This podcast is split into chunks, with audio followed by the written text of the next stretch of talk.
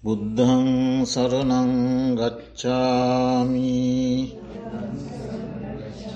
ධම්මං සරණං ගච්ඡාමි. සංඝං සරණං ගච්ඡාමි. ဒ ුතියම්පි බුද්ධං සරණං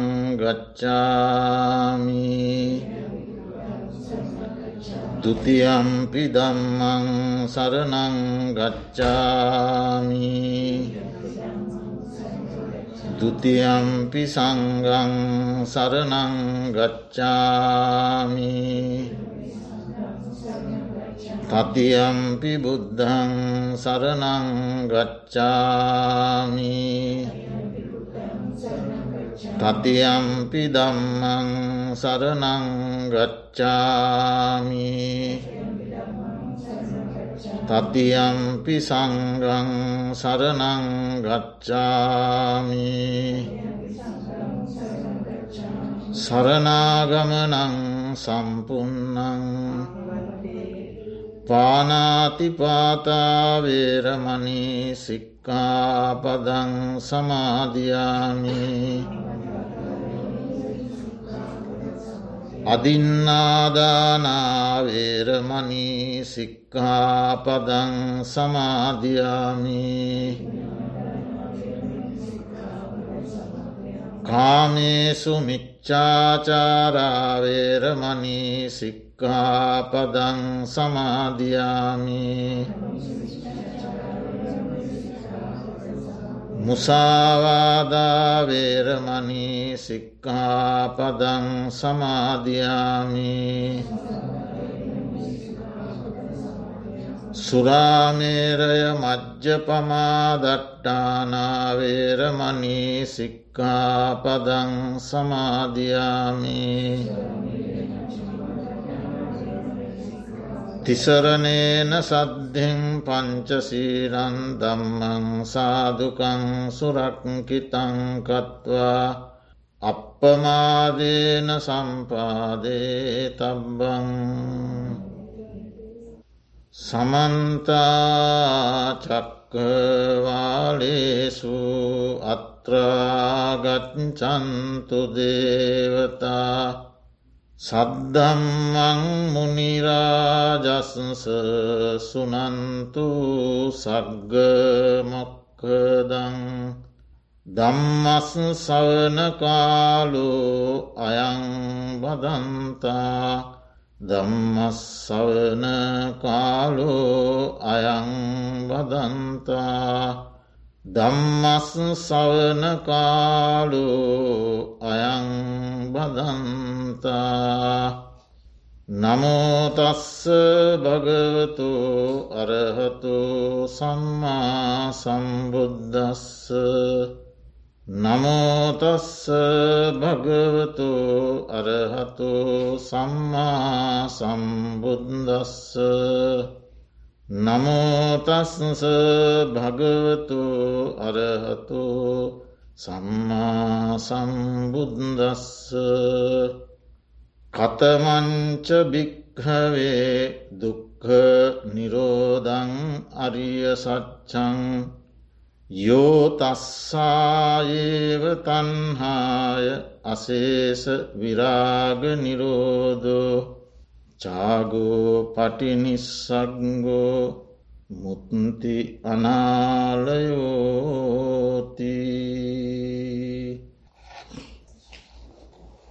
සද්ධාවන්ත කාරුණික පින්වතුනි ටෙක්සාස් බෞද්ධ භාවනා මධ්‍යස්ථානාධිපති පූජනීය තවලම පුන්නජී ස්වාමීන් වහන්සේගේ අනුශාසකත්වයෙන් දෙදහස් දහනමය වර්සයේ වස්කාලය තුළ පවත්වනු ලබන ධර්මදේශනා පින්කං මාලාවෙහි දෙවන ධර්මදේශනාවට සවන් දෙන්න ඔබ සියලු දෙනා මේ මොහොතේ සූදානන් වෙන්නේ. පසුගිය වසරවල ධර්මදේශනා වස් ධර්ම දේශනා සඳහා මාතෘකාවන් තෝරාගත්තේ මා විසින්. මේ වර්ෂයේ ඒ ක්‍රමය වෙනස් කරලා දායකත්වය දක්වන දායක පින්වතුන්ටම තමා කැමති මාතෘකාවක් තෝරාගන්නට අපි ඉඩදීලා තිබෙනවා. ඒ අනුව අද දවසේ පැවැත්වෙන ධර්මදේශනාවෙහි දායකත්වය දරන සශික මහත්මා සහ ලෝචනා මහත්මිය. තෝරාගෙන තිබෙන මාතෘකාව තමා මම මුලින් සජ්්‍යහායනා කළේ මාතෘකා වශයෙන් දේශනා කළේ. කුමක්ද මාතෘකාව දුක්ක නිරෝධ සත්‍යය චතුරාර්ය සත්‍ය දේශනාවෙහි තුන්වන ආර්ය සත්‍යය. දුක්ක ආර්ය සත්‍යය දුක්ක සමුදය ආර්ය සත්‍යය දුක්ක නිරෝධ ආර්ය සත්‍යය දුක්ක නිරෝධ ගාමිණී පටිපදා ආර්ය සත්‍යය යනුවෙන් දැක්වෙන චතුරාර්ය ශත්‍යය දේශනාවේ තුන්වැන්න අද මාතෘකාව. මේ ටිකක් ගැඹුරු මාතෘකාවක්. නමුත් මම උත්සාහ කරනවා සරලව යම් තරමකට මේ මාතෘකාව විස්තර කරන්න. සතිපට්ටහාන සූත්‍ර දේශනාවේ දම්මානු පස්සනා සතිපට්ටානයෙහි සච්ච පබ්බනම් කොටසෙහි බුදුරජාණන් වහන්සේ අරමා මුලින්කිව් මාතෘකාව මාතෘකා පාටය දේශනා කරලා තිබෙන. මහනෙන දුක්ක නිරෝධාර්ය සත්‍යය යනු කුමක්ද කවරේද යනුවෙන් ප්‍රශ්න කරමින් නැවත බුදුරජාණන් වහන්සේම පිළිතුරු දේශනාව කරන. යෝ තස්සාඒව තන්හාය අශේෂ විරාග නිරෝධෝ චාගෝ පටිනිශ්ශක්ගෝ මුත්ති අනාදය. යම් ඒ තෘෂ්ණාවගේම තෘෂ්ණාවෙහිම ශේෂයක් නොකොට කිසිවක් ඉතිරි නොකොට. ශේෂ කියන්නේ ඉතිරියකින් කිසිම ඉතිරියක් නොකොට. ඒ තෘෂ්ණාවෙහිම යම් නොයලීමක් වේද යම් නිරෝධයක් නැවැත්මක් වේද යම් අතහැරීමක් වේද යම් දුරින්ම දුරුකිරීමක් වේද යම් මිදීමක් වේද පංචකාමයන්හි යම් නොයල්මක් වේද ඒ දුක්ක නිරෝධ ආර්ය සත්‍යයයි. එතකොට දැන් අපි බලන්න ඕනේ මෙතන තිබෙන වචන වල විග්‍රහයන්. දුක්ක නිරෝධ. ඒ වචන දෙක අපි පළමුුව තේරුම් ගණ්ඩ ඕන. දුකෙහි නොඇලී. දුකෙහි නැවැත්ම. දුකෙහි අතහැරීම. දුරු කිරීම. එතකොට මිදීම නොඇල්ම එතකොට දුක්හ කියල කියන්නේ කුම එක වෙනමම මාතෘකාවක් නමුත් ඒ මාතෘකාව අද විස්තර කරන්න බැහැ අද මාතෘකාව වෙනස් නිසා. නමුත් අපි කෙටියෙන් බලන්න ඕ ජාති ජරා ව්‍යාදි මරණ සෝක හරිදේව දුක්හ දෝමනස්ස ඒවගේම යම්පිච්චන් නලබති කැමතිදේ නොලැබීම පංචුපාදානස්කන්ද මේ දුක්ක ආර්ය සත්‍යයයි.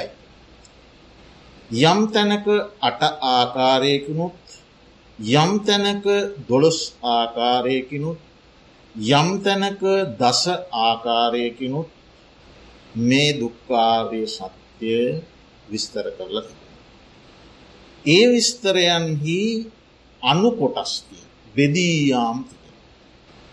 ඒ බෙදීයාමුත් එක්ක සංසන්ධනාත්මකෝ බැලුවම දුක්ක ආර්ය සත්‍යය යනු විශාල පුළුල් පරාශයක් තුළ පැතිර තිබෙන දෙයක්. මුළු මහත් ලෝකයේ තුළම පැතිර තිබෙනවා කිව්වත් වරදක් පංචුපාදානස්කන්ද ලෝකයේ තුළ ආයතන ලෝකයේ තුළ ධාතු ලෝකයේ තුළ ආදී වශයෙන්. එතකොට ඒ ඒ පුද්ගලයාගේ තේරුම් ගැනීමේ ශක්තිීන් ඒ ඒ තැනට පුද්ගලයාට අනුකූලවන පරිදි තමයි ඒ වෙනස් වෙනස් වූ බෙදීම් තිබේ. ඒ එක එක කොටස වෙන වෙනම වෙන වෙනම එක් එක් දවසේ ධර්ම දේශනා කරන්නට තරම් දහම් කරුණුවලින් පිරුණු කොටස්. උදාහරණයක් වශයෙන් ජාති දුක ගත්තොත් ජාති සංජාති ඔක්කන්ති අභිනිබ්බන්ති කන්දානං පාතුභාවෝ ආයතනානං පටිලාබෝ අයං උච්චතාවසෝ ජාති. ඉපදීම ගැන තිබෙන විස්තරය. බිත්තරයක් තුළ හෝ ගර්භාශයක හෝ කුණු ගොඩක හෝ ඕපපාතිකෝ හෝ යම් උපතක් සිදුවන්නේද ඒ උපත ජාති එතකොට ඒ උපත මනුෂ්‍ය ලෝකයේ ගත්තුත් නැවත කොටස්වෝල්ට බෙති.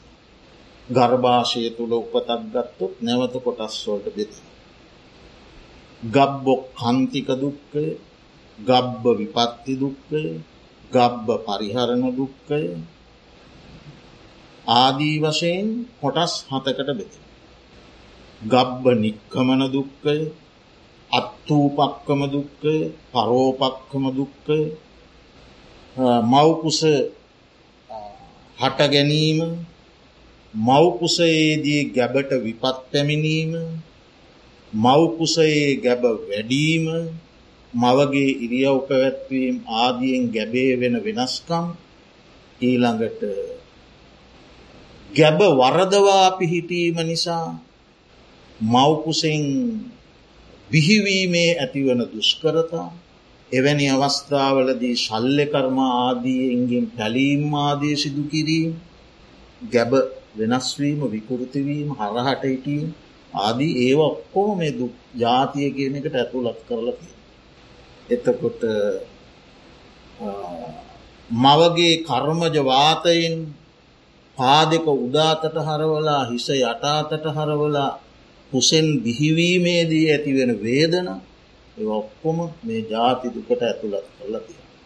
බිහිවුණාට පස්සේ ඒ මෙසිවුම් සම නෑවීම් ඇල්ලීම් පියරු දැමීම් ආදියදී ඇතිවෙන වේදනා ඉතා සිවුම් සම් ඒවා ඒ ඔක්කොම මේ ජාති දුකට ඇතුළත් කරලා. තමා විසින් තමාගේ ජීවිතය විනස් විනාශ කර ගැනීමේ උපක්‍රම අනුන් විසින් තමාගේ ජීවිතය විනාශ කිරීමේ උපක්‍රම ආදී විශාල මේ ජාති කියන වචනය ඇතුළි තව නොයෙක් නොයෙක් නොයෙක් නොයෙක් බෙදීම් අර්ථතිය. ඉතිං ඒ දුක. එක වෙනමම මාතෘකා දවස් ගණන් කතා කරන්න පුළුවන් මාතෘකා දුක.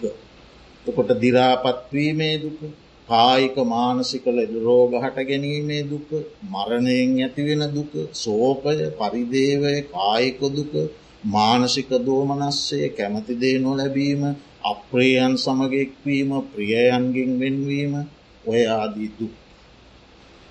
කෙටියෙන් කියත සරලව කියත සංක්ෂිප්තව කියතොත් උපාදාන කරගන්නා ලද ගැන අල්වා ගන්නා ලද මේ ස්කන්ධ පංච රූප වේදනා සංඥා සංකාර විඤ්ඥා.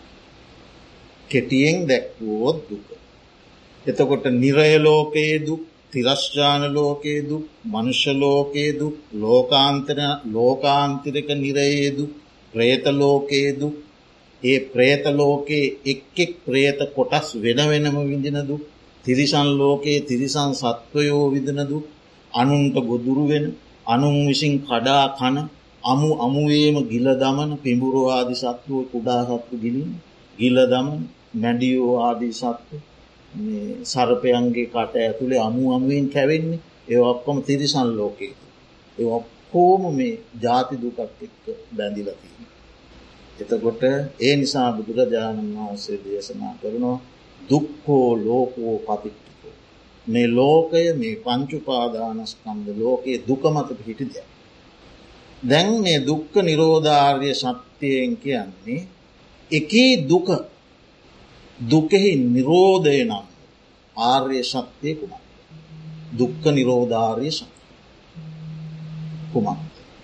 කියල බුදුරජාණන් වහන්සේ ප්‍රශ්න කරලා ඔන්න පිළිතුරුද. යෝ තස්සා ඒව තන්හාය. යම් ඒ තන්හාාවගේම ඒ තන්නාවෙහිම අසේෂ විරාග කිසිවක් ඉතිරු නොකොට. ඒ තන්නාවේ අල්ප මාත්‍රයක්වත් ඉතිරි කරන්න නැති. නොවැල්මක් නැවැත්මක් ඒවගේම අසේෂ විරාග නිරෝධ චාගු හැරදැමීමක් තුරුකර දැමීමක් මිදීමක් පංචකාම පංචකාමයන් පිළිබඳ ඇල්ම සම්පූර්ණයෙන් මුළුමනින්ම හැරදැමීම. වේනම් ඒ දුක්ක නිරෝධාවේ ශක්තියයි. එතකොට දැන් මෙතනදී මොකක්ද කියන්නේ. සිංහයකුගේ පැවැත්ම සහ සුනකයෙකුගේ පැවැත්ම කියලා දෙකක්. සිංහයකුට ඊ පහරක් විද්දෝ. ඒ සිංහයා ඊ පහර දෙස නොවේ බලන්න. එයා බලන්න ඊ පහර ආපු දෙස ඒ පාර කවුද විද්ද කියල සිංහයා බලන්න. සුනකයෙකුට ඊ පහරකින් හෝ ගලකින් ගැහුවොත් සුනකයාට ඒ ගල ගසපු කෙනා බැලීමේ සිරිතක් නෑ. සුනකයා බලන් මේ ගල දෙස. ඒක සුනක පැවැත්. ගලකින් ගැහුවොත් ගල තමයි එයා බල. සිංහයාට ගලකින් ගැහෝ සිංහයා ගල ගැහුව කවුද කියලයි බල. එතවට සිංහයා හේතුව බලනවා අර සුනකයා පලය මේ ගල කවුරු හරි කෙනෙක් හේතුව ගල කියන්න පලයක් ගහපු එක තම හේතු. ද බල්ල බලන්න මෙත. එතකොට දැන්නේ දුක පලයක් දුක කියන්නේ පලයක්.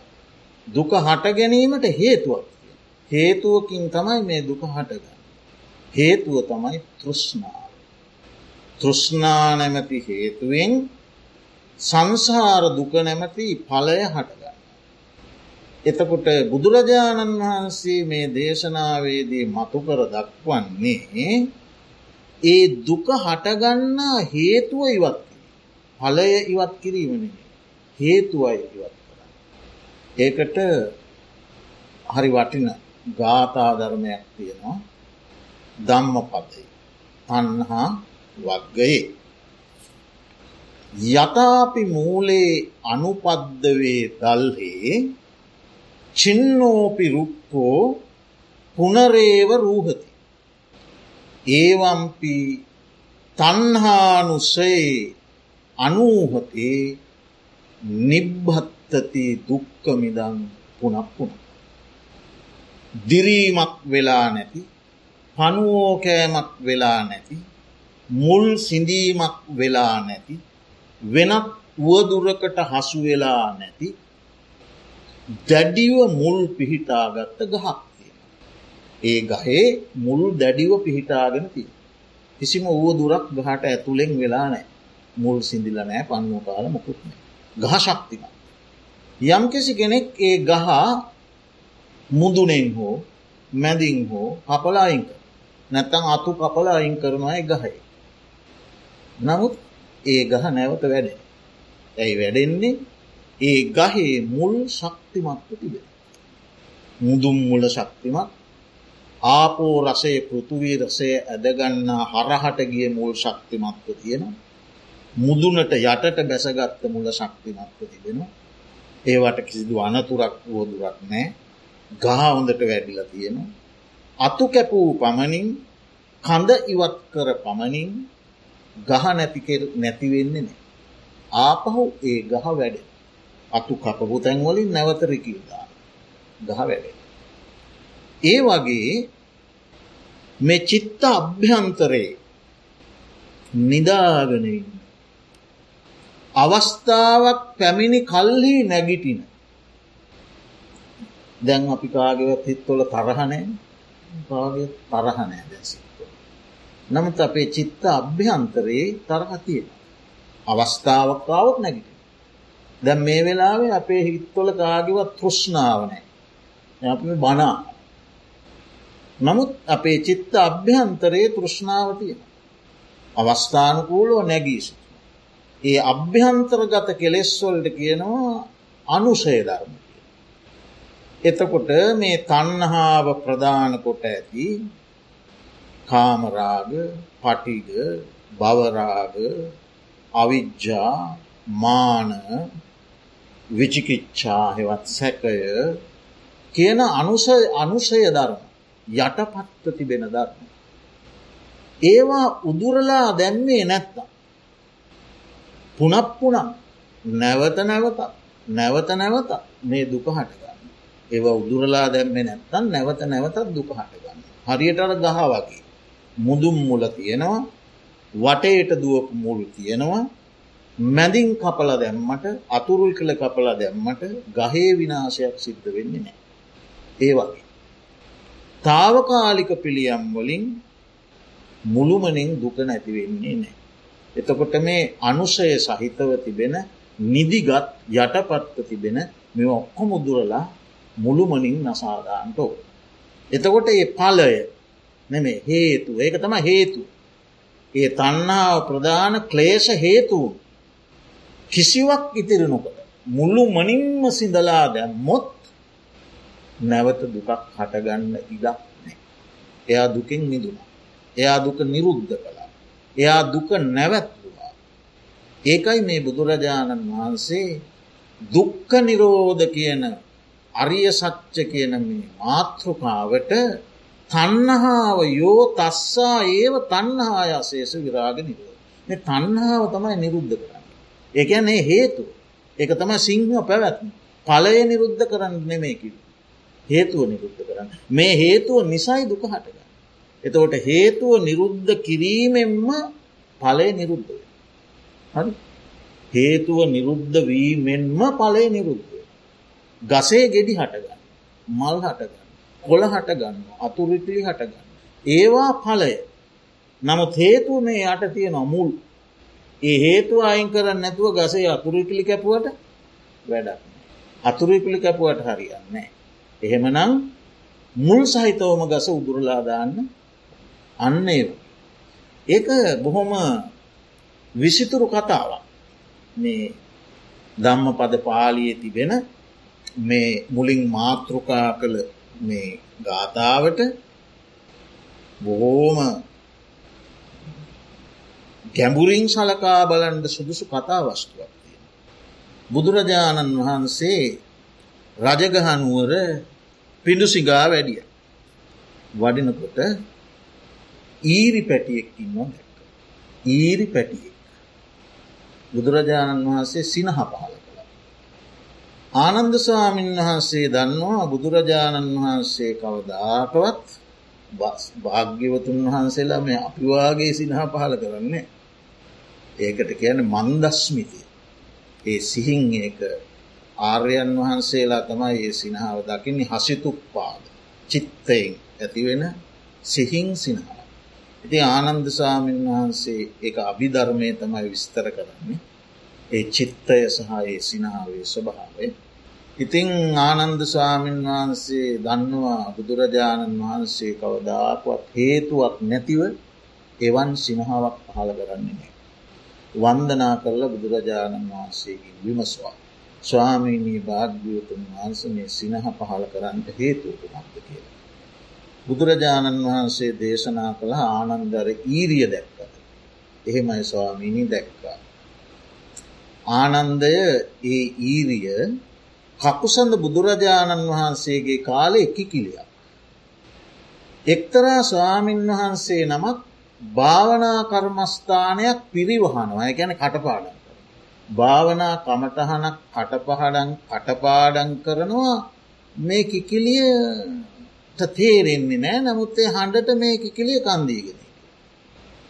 එතකොට උකුස්සෙක් ඇවිල්ල මේ කිකිලියට හැට.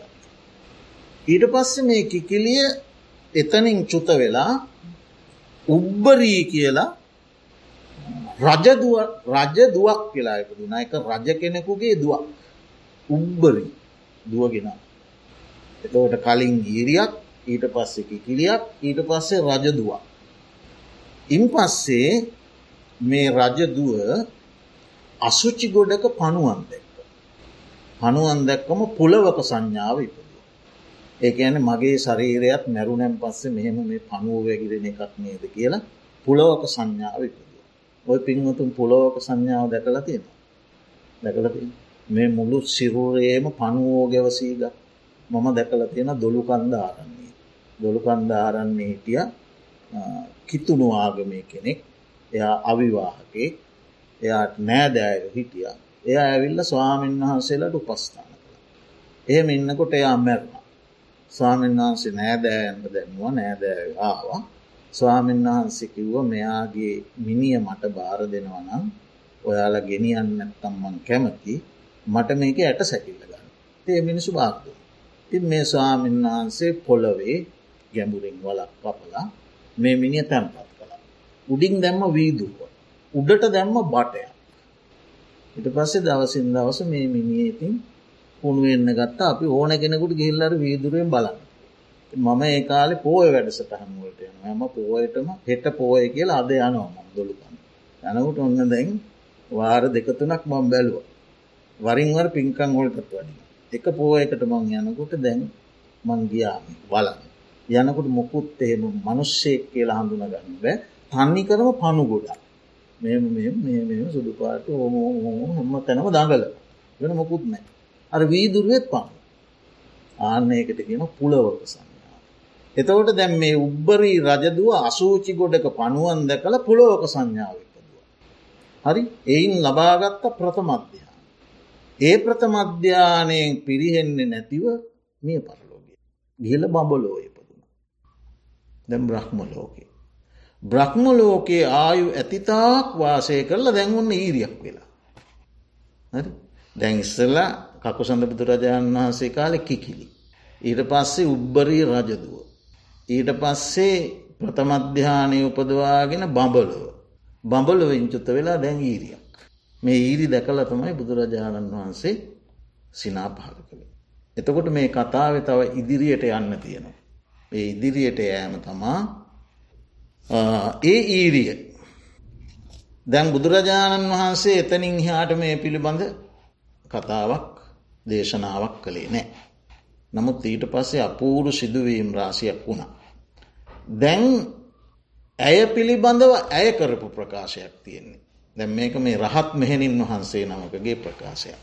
ඊට පස්ස මේ ඊරිය ඔහොම කල්ගිහිල්ලා මිය පරලෝගිය. මිය පරලෝගිහිල්ලා ස්වර්ණ භූමියයේ ඉපදුනා ඒත් රජදුවක් වශයෙන්. ස්වර්ණ භූමිය. දැන් ඇය එහෙම කල්ගත කළා ඊට පස්සේ එතනින් චුත වෙලා බරණැස අස්වවෙලෙන් දෙකුගේ ගෙදර ඉපදුන. බරණැස අස්වවෙලෙන්දෙ. ඒ ගෙදර ඉපදුනා. එහි කාලයක් ගත කරලා එයින් චුත වෙලා කාචීර පටුන කියන ප්‍රදේශයේ වෙළඳ ගෙදරක ඉපදුනා. ස්ත්‍රී ආත්ම. ඉට පස්සේ එයින් චුත වෙලා අනුරාධපුරයේ ගෘහාධිපතියකුගේ දුවක් වෙලා ඉපදුනා. අනුරාධපුරේ. ඊට පස්සේ එතනින් චුත වෙලා අනුද අනුරාධපුරයේ බොක්කන්ත කියන ගමේ සුමන සිටුවරයාට දුවක්ව ඉපදුනා. නම සුමනා. සුමනාදියනී දැ මේ ඊරිගේ කතාව මේ යන්නේ. හරි ඉන් පස්සේ ඒ ගම අතහැරලා දිගා මඩුල්ලට ගිය. තාත්තා දූ ඔක්කොම දිගා මඩුල්ල පදිංචියට ගිය. ගයාම දුටු ගැමුණු රජතුමාගේ හිටියා ඇමතියෙක් අතිම්බරූ කියලා. මේ සුමනාගේ රූ සපුුව දැකපු අතිම්බරු ඇමතියා සුමනා විවාහ කරගත්ත.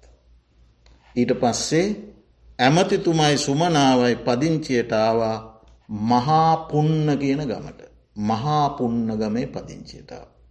දැන් එහෙ පදිංචි වෙලා ඉන්නකොට මහා අනුල කියන මහරහතන් වහන්සේ මේ ගෙදරට පිණ්ඩ පාති වැඩිය. ඊට පස්සේ මේ අනුල මහරහතන් වහන්සේ දැක්කා මේ තැනැත්තිය ගිය තියෙන වාසනා සම්පත්තිය. දැකලා අනිත් ස්වාමීන් වහන්සේලාට කිව්ව ඇවැත්නී මේ ඊරිය පැමිණි දුරකිව්වා. එතකොට එයා තේරුම් ගත්ත මොකක්ද මේ කතාව. එයාට ජාතිස්මරණ ඥානය පහළ වුණ. පෙරවිශූ කඳ පිළිවෙල දන්නා නුවන පහළ වුණ. ඊට පස මහත් සංවේගයට පත් වුණ. දැම් මෙ ආත්ම භාව දහතුනක් දැක්කා. ඊට පස්සේ මහත් සංවේගයට පත්වෙලා තමන්ගේ ස්වාමයාගෙන් අවසර ලබාගෙන අතිම්බොරු ඇමතියාගෙන් අවසර ලබාගෙන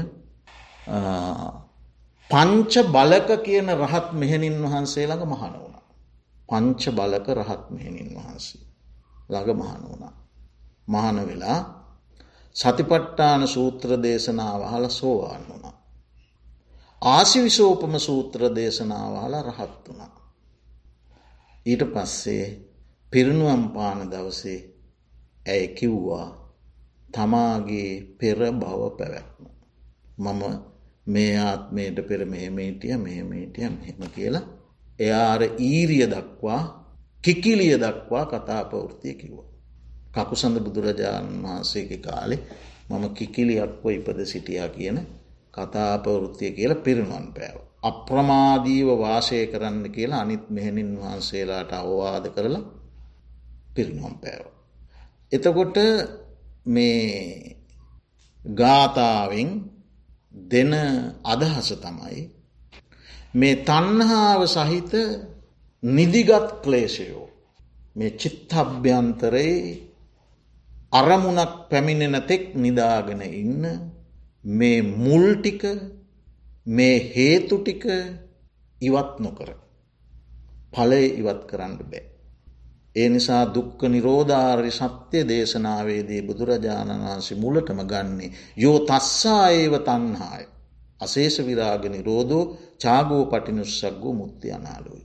යම් මේ තෘෂ්ණාවගේම නොවැල්මක් වේද. ඇයි තෘෂ්ණාවගේම නොවැල්මක් කියන්න. ඒක තම හේතු. දුක්ක සමුදය. එතවට මෙතනින් පැහැදිලි කරන්නේ සමුදයේ නිරෝධයක්. හේතුවේ හටගන්නා හේතුවේ නිරෝධයක් පැහැදිලි කරන්න. එතකොට එතන තියෙනවා වචන දෙකක්. නි රෝධ. නි කියන එකින් ගන්න නියන්න. ඒ අකුරෙන් ගන්නේ දැන් සාමාන්‍යයෙන් අපිට බඩගින්නක් හැදෙනවා. අපි ආහාර ගන්න. එතකොට බඩගින්න නිරුද්ධ වෙනවා. හැබැයි එක තාව කාලිකයි. අය පෑතුන හතරක් යනකොට ආයෙත් බඩගින්න එනවා. අපට හිස රදයක් හැදෙනවා. අපි බෙහෙත් ගන්නවා. එයින් මුළුමනින්ම අපේ රෝග සුවවීමක් වුණේ නෑ. නැවත අපට රෝග හටගන්නවා. ඒ බඩගින්න ආහාර ගැනීමෙන් බඩගින්න අභාවයට පත්වීමක් අභාවයක් තමයි. හැබැයි ඒ අභාවේ තාවකාලික අභාවයක්. හිසරදයට බෙහෙත් ගැනීමෙන් හිසරදේශුවවීමත් අභාවයක් තමයි. හැබැයි ඒ අභාවය තාවකාලික අභාවයක්. මුළු මනින්ම දුක් අභාවයක් නොවේ. මේ දවසපුරා උපදින සියලූම සංස්කාර ධර්මයන්ගේ නිරෝධයක් තියෙනවා. හටගන්නවා නිරුද්ධ වෙනවා. හටගන්නවා නිරුද්ධ වෙනවා. දැන් උදේ හිටපු මම නෙමේ මේ දැන්ඉන්නේ මේ ඉන්න වෙන මම කෙනෙක්. දැන් උදේ පාන්දර අවදි වෙලා මම කරපු කිසිම ක්‍රියාවක් දැම් මගේ ළඟ නෑ උදේ පාන්දර අවදි වූ වෙලාවෙඳල සිතපු කිසිම සිතවිල්ලකුත් දැම් මගේ ළඟ නෑ කරපු ක්‍රියත් නෑ සිතපු සිතුවිලිත් නෑ ඒව ඔක්කෝම ඒ ඒ තැන නිරුද්ධ වුණ. මේ මොහොතේ සිදුවන්නෙත් එයයි. සිත චෛතසික මේ රූප ධර්ම හටගෙන නිරුද්ධ වෙනවා හටගෙන නිරුද්ධ වෙනවා. අද හවස රෑ හතට විතර මම මෙතෙන් ඇවිල්ල වාඩි වෙලා කල්පනාකරොත් උදේ මේ බණ කියපු මොහොතේ ඉදං ඒ කාලේ දක්වා ඒත් මොකුත් නෑ එතන නැවත අලුත් මමක් ඉන්නේ. ඒ ඔක්කොම නිරුද්ධ වී යන. ඒ නිරුද්ධවීම ඒ අභාවයටත් වඩා මෙතන කියන්නේ. මුළු මනින්ම මුළු මනින්ම අභාවයක් මුළු මනින්ම නිරුද්ධ කිරීම. මුළු මහත් ලෝකයේ තියෙනවනං දුක්ක දුක්ක සංකාර දුක්ක විපරිනාම දුක්ක පටිච්චන්න දුක්ක අපපටිච්චන්න දුක්ක පරියාය දුක්ක නිප්පරියාය දුක්ක කායික දුක්ක චෛතසික දුක්ක නිරය දුක්ක තිරච්චාන ලෝක දුක්ක පේත විෂය ලෝක දුක්ක අර අපි මුලින් කතා කළ දුක් මවකුස පිළිසිඳ ගැනීමේ දුක් විපත්ති දුක් ඒ යම්තාක් දුක්තියෙන. ඒ සියල්ල ශේෂ නොකොට ඉතිරි නොකොට මුල්ලු මනින්ම නිරුද්ධ වීයා තමයි මේ නි කියන අකුරේ අක්ෂරය පැහැදිලි කර මුළුමනින්ම නිරුද්ධ වීයා. රෝධ කියන වචනයේ අර්ථ කීපයක් දක්වලා තියෙනවා අට්ට කතා ග්‍රන්ථව. ගමන එකාර්ථය. බන්ධන තවාර්ථය. කාරාධාර තවාර්ථය. ගමන කියල කියන සංසාර ගමන. සංසාර ගමනේ යම් නැවැත්මක් වේද. ඒ නිරෝධය. නිකම් බඩගින්නට කෑම කනවාගේ අභාවයක් නෙමේ. සංසාර ගමන මුළු මනින්ම අභාවයට නිරු ඒක නැව නවත්තලාදා ඒක තම නිරු ගමන සංසාර ගමනේ නැවැත්ම ඊළඟට බන්ධන මේ කාම රූප අරූප කියන තුන් ලෝකය කෙරෙහිම යම් බැඳීමක් තිබෙන. සංසාර බන්ධනයක් සසරට බැඳීමක්. ඒ සියලූම සංසාර බන්ධනයක් දිහාද. නිවනේ තියෙන සුවිශේෂත්වය. සියලු සංසාර බන්ධනයන්ගේ නිදීමක් වේද. ඒ නිවනයි. ඒ නිරෝධය. ඊළඟට කාරාගාරකයන් හිරගෙදර. හිරගෙද එතකොට සංසාරය නම් වූ හිරගෙදරින් මේ හිරගෙදර ඉන්න. එයින් මුළුමනින් නිදහස් වී යන්නේද ඒ නිරෝධය. එවට මුළුමනින් සිදුවන අභාවයක් නැවැත්මක් ගැනයි මේ කිය. එතකොට ඒ නැවැත්ම සඳහා කළ යුත්තේ කුමක්ද ඒ සංසාර ගමනට හේතුවන සංසාර බන්ධනයට හේතුවන සංසාර නමති හිරගෙදර රැඳී සිටීමට හේතුවන හේතුව අයින් කරන. හේතුව මුලින් උදුරාදා. මොකක්ද හේතුව තන්හා තන්හා. ඒ ආකාර එකසි අටකින් ඔබගේ මගේත් සිත්වල ඇතිවෙන. ඒ හඳුන්වන්නට බුදු දහමේ වචන සීයක් ලේසිනේ. ආකාර එකසි අටකට ඇති. කාමතන්හා භවතන්හ විභෝතන්හා තුනයි. ඒ තෘෂ්ණා තුනම ඇතිවෙනවා රූප ශබ්ද ගන්ධ රස ස්පරස සිතුවිලි කියන ආරම්මණයන් තුළි. රූපය පිළිබඳ කාමතන්හාාව ශබ්දය පිළිබඳ කාමතන්නාව ගන්ධය පිළිබඳ කාමතන්නාව රසය පිළිබඳ කාමතන්නාව ස්පර්ශය පිළිබඳ කාමතන්නාව සිතුවිලි පිළිබඳ කාමතන්නාව. ඔන්න තොට කාමතන්හා හයයි. ඒ රූපය නිසා සබ්දය නිසා ගන්ධය නිසා රසේ නිසා ස්පර්ශය නිසා සිතුවිල් නිසා භවතන්නාවත් ඇත්වේ. එතෝට දොලායි.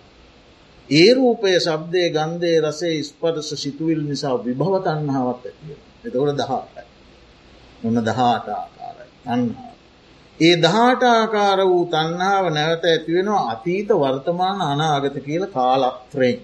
අතීතය අරමුණු කරගෙන ඇතිවෙන්න පුළුවන් වර්තමානය අරමුණු කරගෙන ඇතිවෙන්න පුළුවන් අනාගතයේ පැමිණිලා නැති දේවල් අරමුණු කරගෙන මෙහෙ සිහින දකිමින් ඇතිවෙන්න පුළුව. අනාගතයම මෙහෙම රූපයක් දකින මෙහෙම සබ්දයක් කානු මෙහෙම ගඳ සූදක් විදින එහෙම ඇතිවෙන. ඇතට කාලත්‍රයත් එක් කෙනකොට දහට වරත් වන පනස්සක්. ඒ පනස් සතර ඇතිවෙනවා ඊළඟට අජ්ජත්තික බාහි. තමාගේ දේවල් පිළිබඳ ඇතිවෙන තන්නාව තමන්ගෙන් බැහැර දේවල් පිළිබඳ ඇතිවෙන තන්නා. එතකොට පනස් සතර ඒවා දෙකක් එකසි අටයි. ඔය එකසිය අට ආකාරයෙන්ම අපේ මේ චිත්ත සම්තාන තුළ තෘෂ්ණාව ඇති. අන්න ඒ තෘෂ්ණාව නැමති මුල සිින්දලදාලා එහි නොයල්මක් අල්ප මාත්‍රයක්වත් ඉතිරි නොකොට නොයල්මක් නැවැත්මක් නිරුද්ධ කිරීමක් හැරදැමීමක් අතහැරීමක් මිදීමක් පංචකාමයන් පිළිබඳ බුළුමනින් ඇල්මදුරු කිරීමක් වේද. ඒ තමා දුකෙහි නැවැත්ම. දුකෙහි නැවැත්ම. එතකොට ඒ දේශනාවට ඉතාමත් සමීප තේරුම් ගැනීමට පහසු ඉගැන්වීම බුදුරජාණන් වහන්සේ විසින් කළා ඒ දේශනාවට කියනවා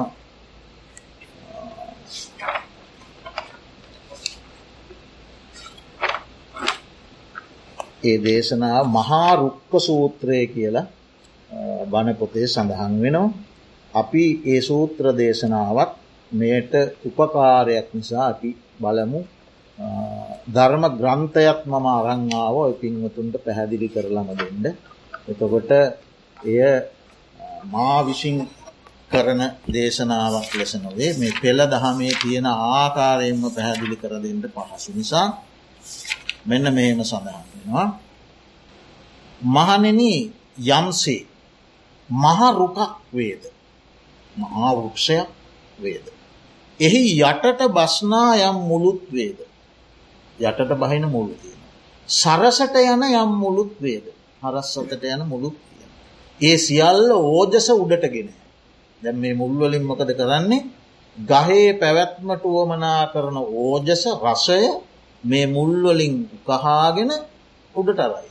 දොට ගහ වැඩෙන. මහනෙන මෙසේ ඒ මහරුක ඒ ආහාර ඇත්තේ. ඕන ද ආහාරයෙන් තමයි මේ ගහ උඩට යන්. ඒ ආහාර ලබාගන්න අර මුල්.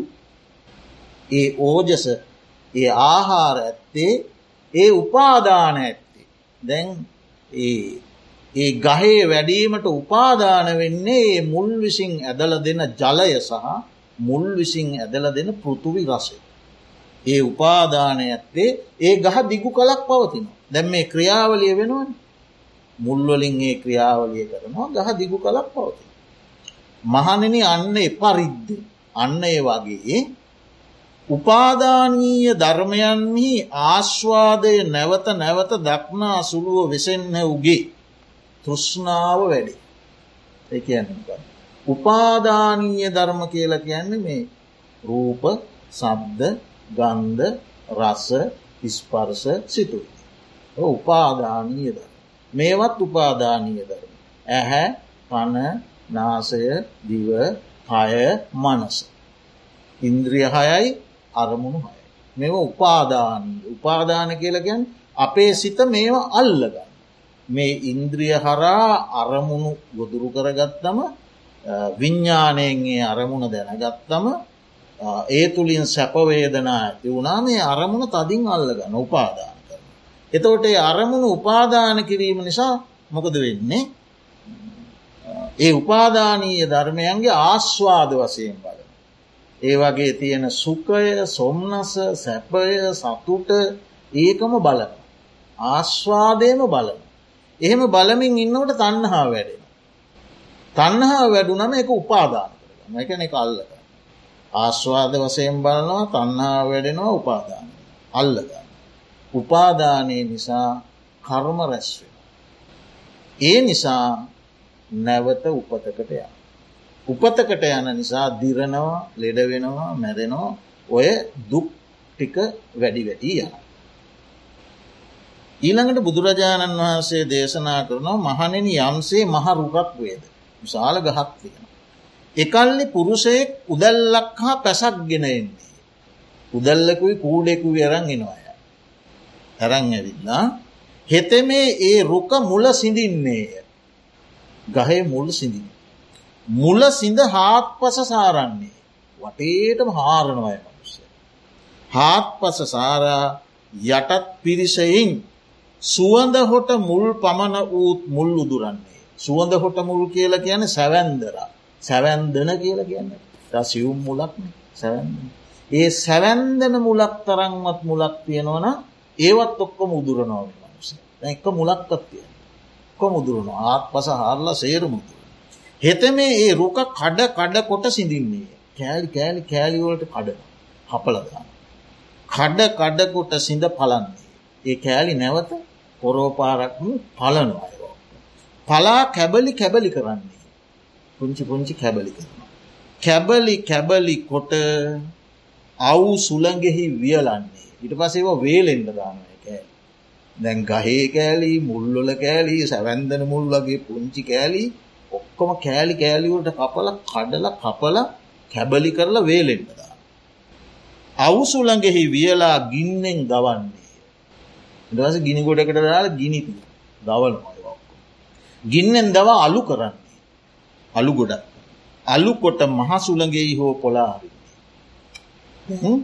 මේ අලු ගොඩ මහා සුළඟකටාද. සොළඟකට යන්නද. පොලාහරි. සැඩ පහර ඇති ගගේ හෝ පාකොට හරින්නේ. ඒම නැත්තම් මහා සැඩ පහරක් තියෙන ගයක් ළඟට ඇරැගිල්ල මේ අලුගොඩ ගගේ පා කරලා. මහනෙන මෙසේ ඒ මහරුක සිඳින ලද මුල් ඇත්තේ. හරියට මුදුන කපාපු තල්ගහක් වගේ කරන ලද්දේ. මුදුන කපාපු තල්ගහක් අය වැඩෙන්නේ ඒ බවට පත් කරන ලද්දේ. නැවත නොවැඩෙන බවට පමුණුවන ලද්දේ. මතු නූපදනා ස්වභාව ඇත්තේ වන්නේ. අයනං කවදාකුවත් එතන ඒ මුල්ලොලින් ගහක් කටගණ්ඩ හේතුවක් නෑ. අය මොකුත් එතන ඉතිරි කරලා නෑ. ඔක්කොම කපලක් ගිනි තියලා පා කරලත් කරලා ඉවරයි. හරිද අන්න ඒ වගේ.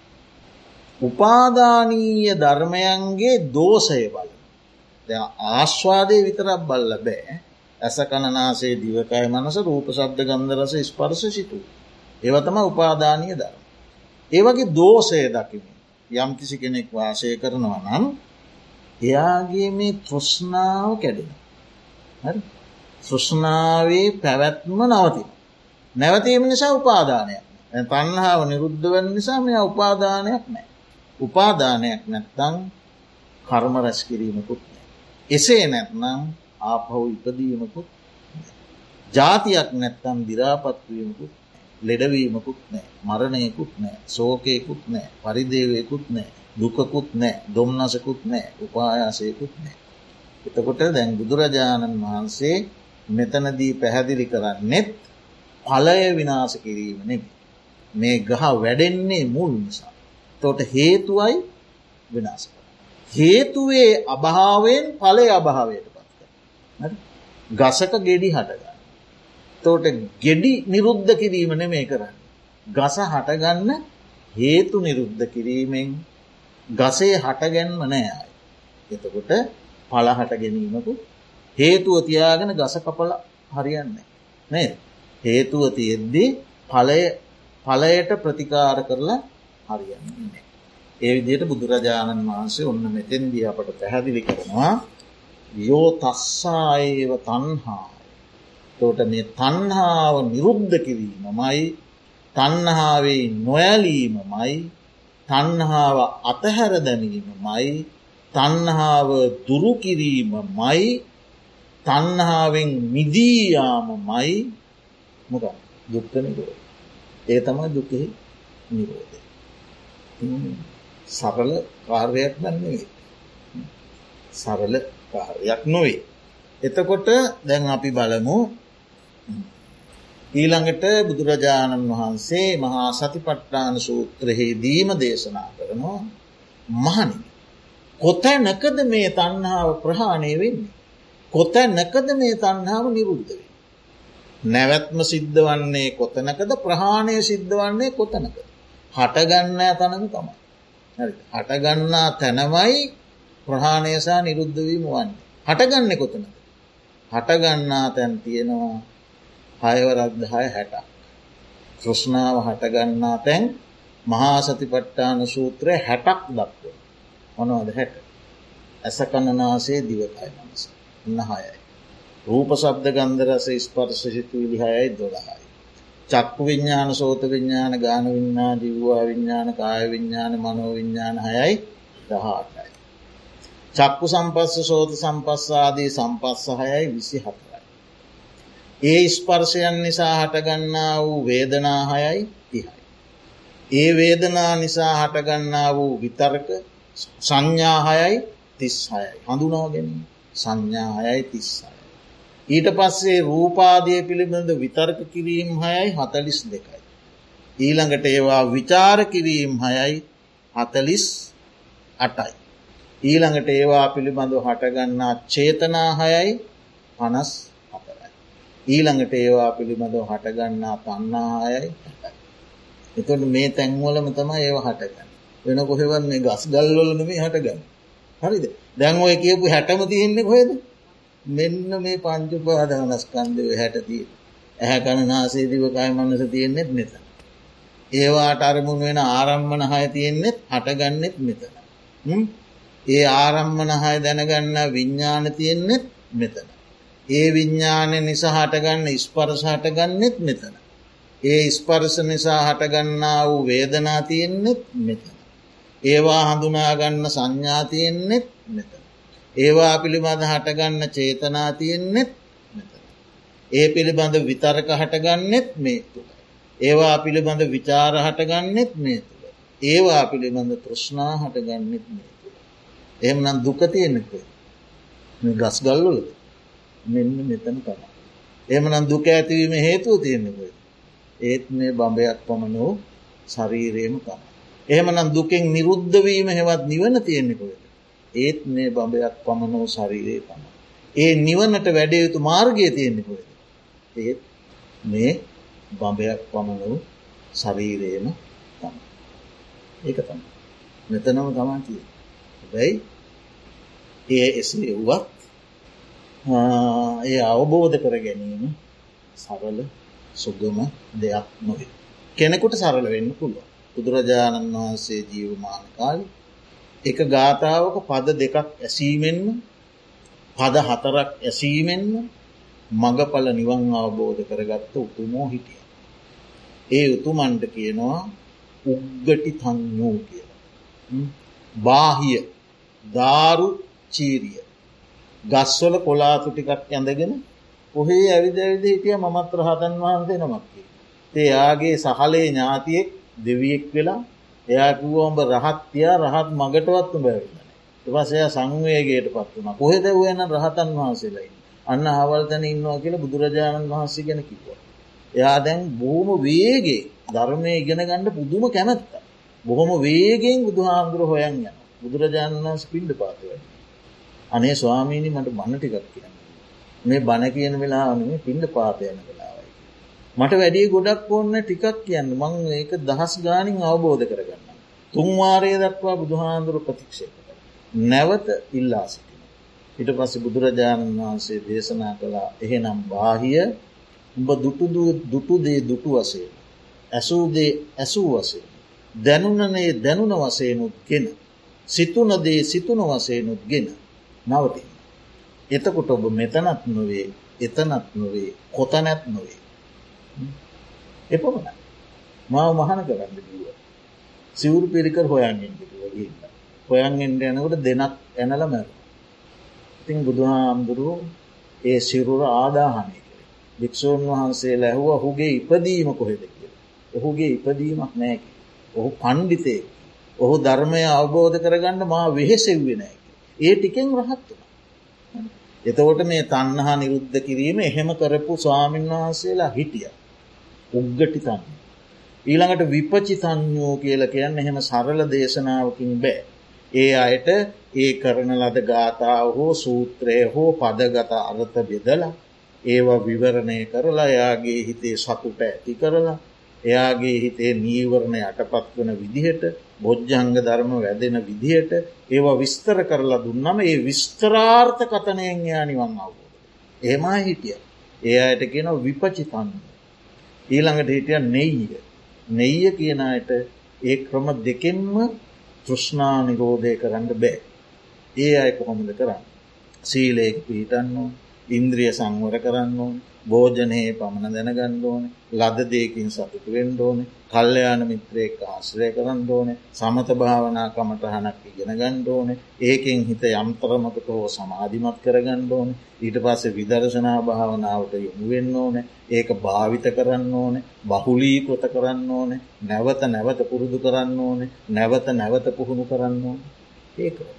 නෙයි හතරවන පදපා පදපාරම් කියන්නේ කෙසේවත් මේ ජීවිතයේ චතුරාර් ශක්්‍ය අවබෝධ නොකර අයත් ඉන්න. ඉතින් ඒ නිසා ඉතිං ඔය විදිහට බුදුරජාණන් වහන්සේ මේ නිරෝධාර්ය ශක්තිය පිළිබඳව දේශනා කළා. එතකොට මේක තවදුරටත් අටුවා යුගයට එනකොට විස්තර කරනවා. නිරෝධය කියල ගැන බර බිම තැබීමක් බර උසුලාගෙන සිටීම තමයි දුක. බර ඇතිවීමට බරට හේතුව තමයි තෘෂ්ණාව. එතවට බරක් තියෙනවා බර ඇතිවීමට හේතුව තන්න. බර බිම තැබීම තමයි නිරෝධ. බර බිම තැබීමේ මාර්ගය තමයි ආර්යෂ්ඨායකමා. තව උපමාවක් තියෙනවා රෝගය රෝග නිධානය රෝගය සුවවීම රෝගය සුවවීමේ මාර්ග හැරි කොච්චර සරද රෝගයක් හේතුව තියාගෙන රෝගයට බෙහෙත් කරලා හරියන්න නේද හේතුව හේතුවටත් එක්ක ප්‍රතිකාර. එතවට රෝගයක් තියෙනවා රෝග නිධානය. නිධානයට ප්‍රතිකාර කරලා නිධානයේ මුලිනුපුටා දැමීමෙන් රෝගී සුවගෙන. සෝවීම නිවන. රෝගයේ සුවවෙන මාර්ගය ආර්යෂ්ඨායක මාර්ග. තව තියෙන. විෂවෘක්ෂ ගසක් තියෙන. විස පල විස ගෙඩි හටගන්න ගහක් තියෙන. ඒ විස ගෙඩි හටගන්නේ විස සහිත ගහේ මුල් වලින් අවශ්‍ය ඕජාව ඇදල ආර. එතකොට ඒ විස ගෙඩි කෑව මිනිසු නැර. ඉතින් ඒ විස වෘක්ෂය නැසීමක් වගේ තමයි නිව. මුළු මනින්ම විශ්ව වෘක්ෂයෙන් මරලදාන. ඊළඟට දුර්භික්ෂයක් තියෙන.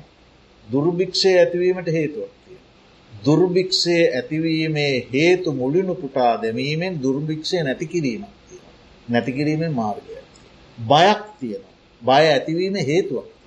බය ඇතිවීමේ හේතුව මුලින් උපුටා දැමීමෙන් බය නැති කිරීමක්. බය නැති කිරීමේ මාර්ගය. අන්න ඒවා. උපමා පහකින් එතන දැක්ව. ඊළඟට මේ නිරෝධය හෙවත් නිවන නැති දෙයක් නොවේ. මේක ප්‍රමාණ කළ නොහැකි සැප.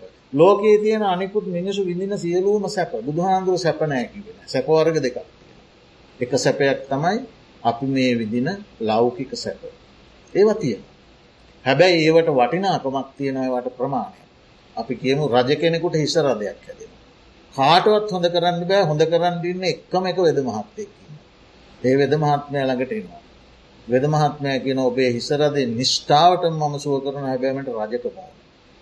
රජතුමාට වෙන හොඳ කරගන්නට කිසිම ක්‍රමයක් නැත්නම් රජකම දීල හරි හිසරදය හොඳ කරගන්න. හරි ඒ රජතුමාට හිසරදය සුවවීම රජකමට වඩා වටින. ඒ හිසරදයෙන් නැත්තම් මැරිල මරණයට වැඩිය එයා මරණයට වඩා තෝරගන්න රජකම දීලහරි හිසරදය සුව කරගෙන ජීවත්. එතකොට රජකමට එහෙම වටිනකම ප්‍රමාණ කළ හැකි වටිනකම. නිවනට එහෙම ප්‍රමාණ කරන්න බෑ. නිවනේ සියලූම නිවනට පැමිණ සියලූම දුක් නිවී යන නිසා නිවනෙහි ප්‍රමාණය. මේ ලෝකයේ ජීවත් වෙන සියලූම සත්වයෝ නිවන් අවබෝධ කළත් නිවනේ ඉතිරීමක් නෑ. නිවරේ නිවන දැන් ඇති ආය සත්වයෝ භාරගණ්ඩ බෑ එහෙම දෙයක් නෑ. නිවන කියන්නේ ඒ වගේ අතිශූක්ෂ ධර්මතාවය. ඒ නිසා ලෝකයේ තියෙන සැපයන් අතර මේ ලෝකෝත්‍ර නිවන් සුවයමයි. මේ තෘෂ්ණා නිරෝධයමයි. මේ තෘෂ්ණාවෙහි නොයල්මමයි. මේ තෘෂ්ණාව නිරුද්ධ කිරීමමයි. මේ තෘෂ්ණාව මුලි නුපුටා දැනීම. මේ ලෝකයේ තියෙන උතුන්න ලෝකෝත්තරම සැප. ඒ සැපත අවබෝධ කළ උතුමෝ හිටපු නිසාත් අපිට ඒක විශ්වාස කරන්න වෙන.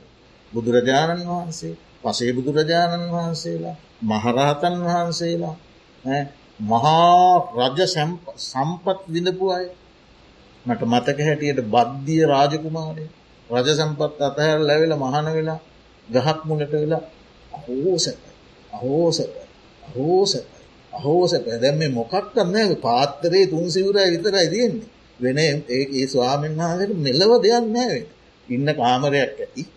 තුන් සිවරයි පාත්තරේද ඒ ටික තියාගෙන කියනවන අහෝ සැපයි අහෝ සැප අහෝ සැප ඇයි එයාටර රජමාලිගාවේ ඉන්නකොට තිබ්බ හොර සතුරු කරදර පසල් දනව්වල යුද්ධ සංසිඳවීමේ කරදර මෙහෙන් දෙමවපියෝ කසාද බඳින්ද යෝජනා කරන කරදර නොයකුත් නේද? ප්‍රශ්න ගොඩක්.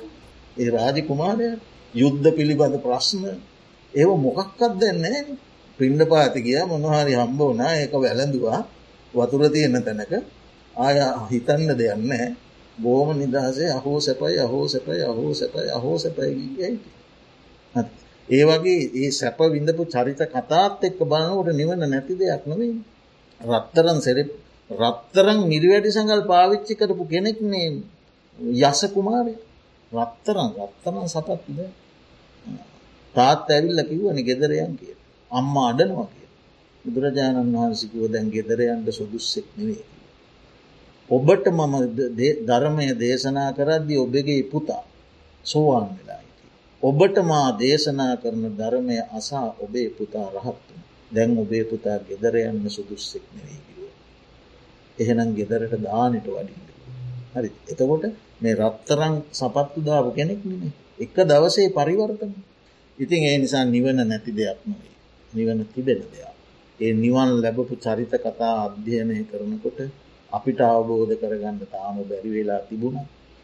නිවන කියන්නේ බොහෝ වටිනා උතුම් මේ ලෝකයේ මහා ශාල ප්‍රමාණයක් ලක්ෂ ගණන් ආර්ය ශ්‍රාවකය අවබෝධ කළ දෙයක්.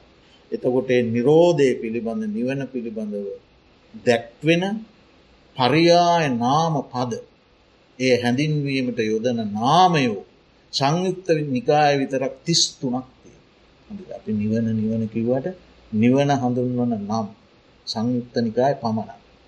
අසංකත අජර අමර අමත අපාර පාර එතකොට නිබ්බහාන තන්හක්කය දෝසක්කය මෝහක්කය ඔය විදිහේ සච්ච මග්ග ඔය විදිේ නම් තිස්තුනක් තිස්තුනකින් හඳුන්න. එතවට ඒ තිස්තුන අධ්‍යයනය කරන කොටත් පේනවා නිවනේ තියෙන සුන්දරත්. ඒ නිසා යම් කිසි කෙනෙක් තම තමන්ට ශක්ති පමණින් ඒ වටහාගෙන ඒ නිර්වාණය කෙරෙහි ප්‍රසාධ මාත්‍රයක් ඇති කරගත්තනම් ඒ අයට බොහෝ කුසල් බොහෝ පින් සිද්ධ වෙන බවයි තතාගත සම්මා සම්බුදුරජාණන් වහන්සේ දේශනා කරලා.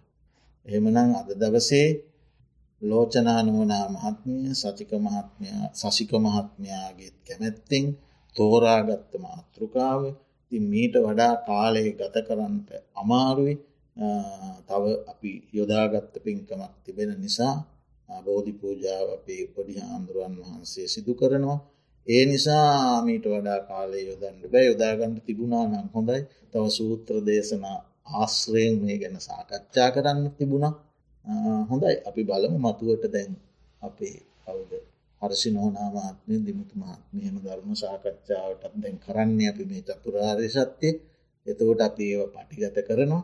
ඔය පින්හුතුන්ට ඒවා අපි මීට වඩා පුළුල්ල විස්තර වශයෙන් කතා කරනවා. එතවට ඒවාහන්න පුළුවන්. ඒමනං අද දවසේ මේ ධර්ම දේශනාවට සවන් යොමු කිරීමෙන් උපදවාගත්තා වූ සියලූම කුසල ශක්තියෙන් සසික මහත්මාටත් ලෝචනාමාත්මයටත් මේ ධර්ම දේශනාවට සවන් දුන්න සියලුම දෙනාටමත් ඒ වගේම ඔබ හැම දෙනානමින් පරලෝසපත් වර්ග පරම්පරාන්ගත ඥාතිවරගහාට දෙවියන් සහිත ලෝකවාසී සියලු සත්වයන්ටත් අප සැමටත් අමාමහ නිර්වාණ සුව සාන්තිය පිණිසම හේතුවාසනාවෙත්වා කියන පාර්ථනාව ඇති කරගෙන දෙවියන්ට ඥාතීන්ට පින්දෙන. ආකාසට්ටහාචබුම්මට්ටහා දේවානාගා මෛද්දිකා පුഞ්ඥන්තන් අනුමෝදිත්වා චිරන්රක් මන්තු ශාසනං ආකාසට්ටාචබුම්මට්ටා දේවානාගා මෛද්දිකා පුഞ්ඥන්තන් අනුමෝදිත්වා චිරන්රක් අන්තු දේශනං. ආකාසට්ටාචබුම්මට්ටා දේවානාගා මහින්දිකා පුഞ්ඥන්තන් අනුමෝදිත්වා චිරන්රක් අන්තු මම් පරන්තිී. එත්තාවතාචම්මේ සම්බතම් පුුණ්්‍ය සම්පදන් සබ්බේ දේවානුමෝදන්තු සම්බ සම්පත්ති සිද්ධිය. එත්තාවතාචම්මේ සම්බතම් පුුණ්්‍ය සම්පදන් සබ්බේ භූතා අනුමෝදන්තු සම්බ සම්පත්ති සිද්ධිය. එත්තාවතාචම්මේහි සම්බතම් පුුණ්්‍ය සම්පදන් සබ්බේ සත්තානුමෝදන්තු සම්බ සම්පත්ති සිද්ධිය. ඉදම්මේ ඥාති නං හෝතු සුපිතාන්තු ඥාතයෝ. ඉදම්මේ ඥාති නං හෝතු සුපිතාන්තු ඥාතයෝ. ඉදම්මේ ඥාති නං හෝතු සුපිතාන්තු ඥාතයෝ